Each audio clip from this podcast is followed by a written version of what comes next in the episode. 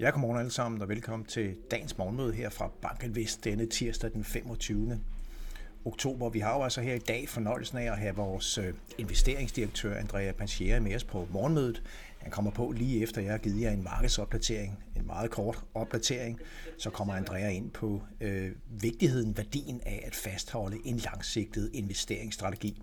Og husk også lige, at vi i morgen har vores EM seniorstrateg Nikolas Torskov med os på morgenmødet. Nikolas vil sætte fokus på de erfaringer, som teamet har gjort sig i forbindelse med deltagelsen på IMF Verdensbankens årsmøde i Washington her i øh, sidste uge. Så vi har masser på programmet. Men først lige markederne. Altså endnu en ganske fin dag i går på de amerikanske aktier. De stiger med 1,2 procent, og vi har faktisk øh, de danske OMX Copenhagen Cap aktier op med over 2 procent.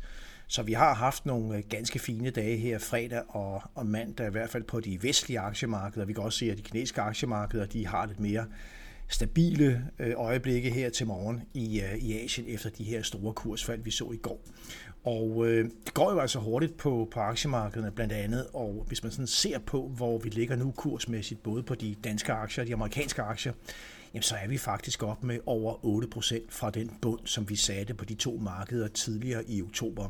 Så tingene kan hurtigt øh, svinge rundt, og i øjeblikket heldigvis kan man sige, for os long-only investorer, så trækker det altså i bedre retning.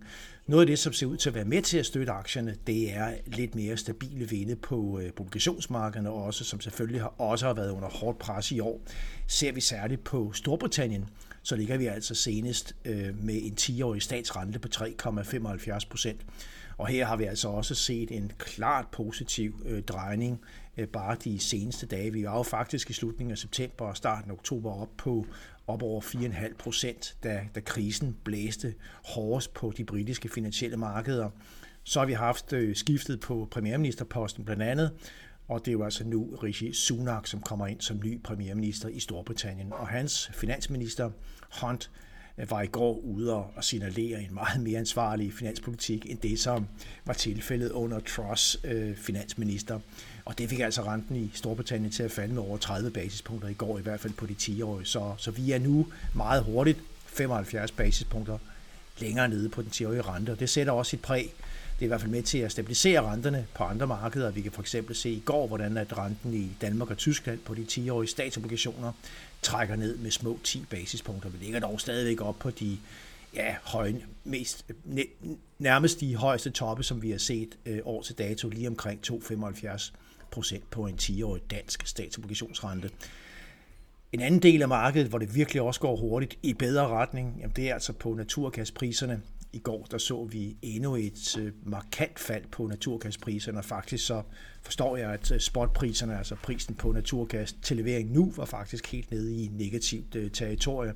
Og det minder om det, vi så på oliemarkedet, da vi i april 2020 da samfundet blev lukket ned, og aktiviteten dalede, og dermed også efterspørgselen efter sådan noget som olie, ja, der så vi faktisk øh, nogle dage, hvor spotprisen på olie var var negativt territorium. Det handler simpelthen om, om mangel på opbevaringsfaciliteter.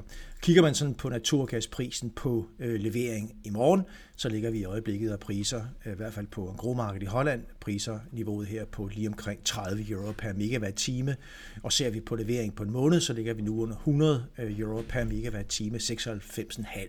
Og det er jo altså langt under de toppe, vi satte tidligere i år. Det er godt nyt på, på mange områder.